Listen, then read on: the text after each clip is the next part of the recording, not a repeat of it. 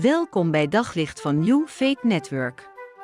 Luister elke dag naar een korte overdenking met inspiratie, bemoediging en wijsheid uit de Bijbel en laat Gods woord jouw hart en gedachten verlichten. In Psalm 103, vers 2 lezen we: Prijs de Heer, mijn ziel, en vergeet niet één van zijn weldaden. Als we de Bijbel lezen, dan zien we dat God vaak op een hele bijzondere manier voor zijn volk zorgt. We zien dat God bijzonder goed voor zijn volk is. Maar we ontdekken ook dat datzelfde volk er vaak bijzonder goed in is om te vergeten dat hij goed is. En de vraag is dus, hoe voorkomen we dat we in onze wandel met de Heer langzaam van de weg afdwalen en vergeten hoe goed hij voor ons is geweest in de periode die achter ons ligt? Als Joshua met het volk de Jordaan overtrekt, dan zegt God: Jozua, ik geef je mijn zegen, ik geef je mijn overwinning. Ik zal de Jordaan hoogstpersoonlijk voor je droogleggen en je kunt met het volk zonder natte voeten naar de overkant vertrekken. Maar ik ken dit volk langer dan vandaag en daarom vraag ik je, verzamel twaalf grote stenen als gedenkteken van mijn kracht. En ik wil dat je die twaalf stenen bij elkaar zet op een stapel neerlegt zodat altijd als jij of jullie en je kinderen, jullie kinderen, langs die stenen komen, jullie herinnerd worden aan de kracht van God. Aan mijn kracht, aan mijn goedheid, aan mijn leiding. En eigenlijk is dat wat God als uitdaging bij ons neerlegt. Hij zegt eigenlijk: markeer de mijlpaal. Getuig van mijn goedheid en spreek van mijn schoonheid.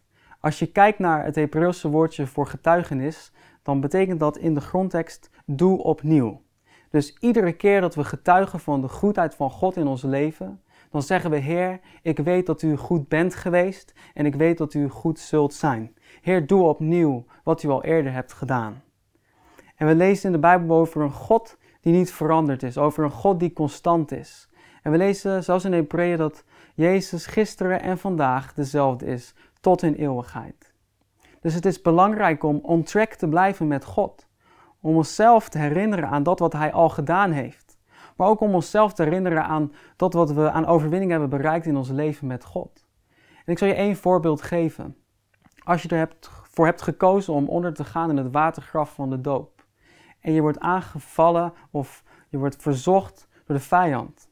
De enige reactie die je dan moet tonen is, maar je weet dat ik onder ben gegaan in het badwater samen met Christus, dat ik al gestorven ben en opgestaan ben met Christus in een nieuwe leven.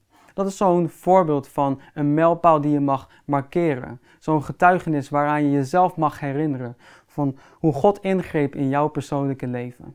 Dus wil je blijven wandelen met God samen? Wil je die Jordaan ook overtrekken die God voor jou wil droogleggen? Vergeet dan één ding niet.